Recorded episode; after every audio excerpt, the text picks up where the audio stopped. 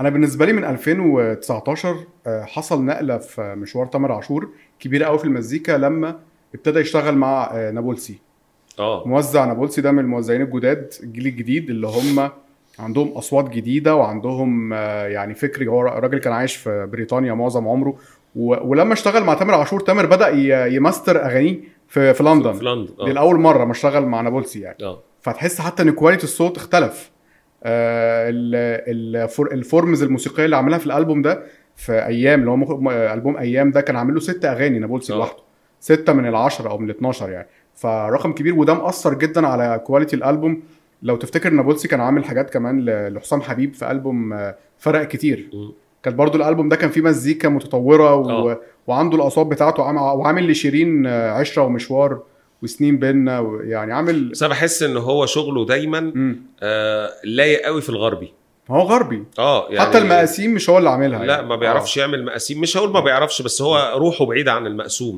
اه مم. يعني مثلا ايام اه آه دب ستيب روك يعني على يعني و... اه يعني شغل روك عالي جدا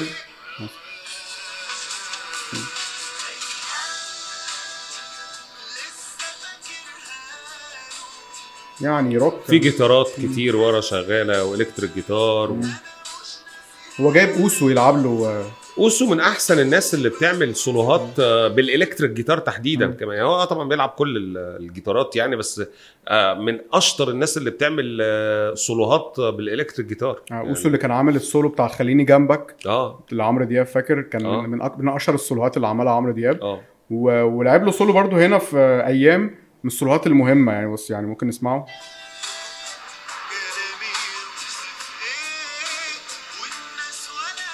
سمع برضه البيت آه. سيكشن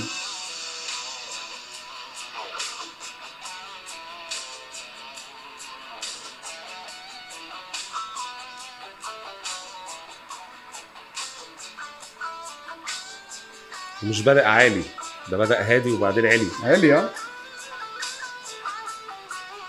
بيعلى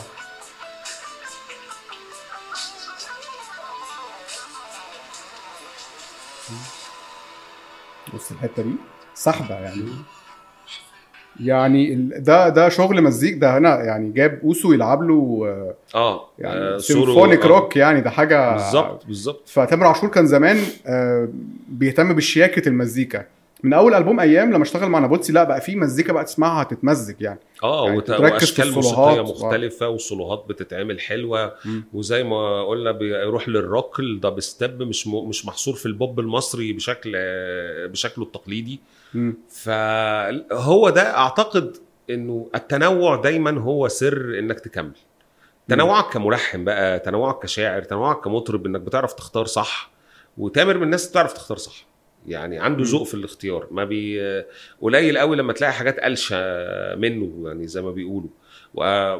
وحتى كمان انه لما خد المساحه ان هو ينتج لنفسه آه، في الالبوم الاخير لقيته بقى مقدم اشكال موسيقيه مختلفه يعني من الدب ستيب للروك لل... لللاتين بوب مم. لحاجات مثلا فيها قولوا له سماح مثلا اه في البوم ايام برضه مم. جيتار سبانيش دخله جميله جدا مم. وتريات بقى بتعلى اه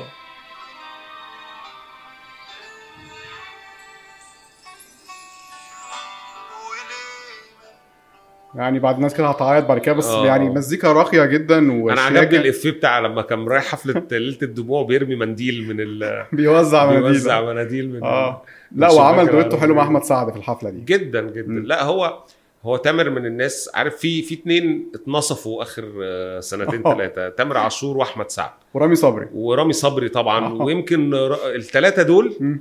لما بدا اتفتحت ال- الحفلات في في السعوديه تحديدا احنا عرفنا نقيس نجوميتهم بجد خلي مم. بالك انت- احنا قعدنا سنين الدنيا بنقيس نجوميه الفنانين باللي موجود هنا بحفلات هنا ودي مساله ليها حسابات معقده جدا و- والحكم عليها يعني برضو ايه م- مش سهل وكان عدد قليل من الفنانين المصريين اللي بيعرفوا يطلعوا بره يعملوا حفلات وينجحوا هم كان عندك ثلاثه عمرو دياب وتامر حسني وحمائي كرجاله يعني هم دول اللي كانوا بيعرفوا يطلعوا بره بيعملوا يمكن حماية ما كانش زيهم قوي يعني كان عمرو دياب وتامر حسني تقريبا فبدات لما الانفتاح اللي حصل في السعوديه في الحفلات ده بدات تشوف الذوق بقى الناس بتحب مين فبقى عندك رامي صبري بيروح يعمل حفلات وبينجح تامر عاشور ليه حفلاته وبتنجح احمد سعد ليه حفلاته وبتنجح وهلم جره بقى كل الاصوات ف فلا في في المعادله او مقاييس النجاح اختلفت ورؤيتنا الفنانين كتير اعتقد انها اختلفت اخر ثلاث سنين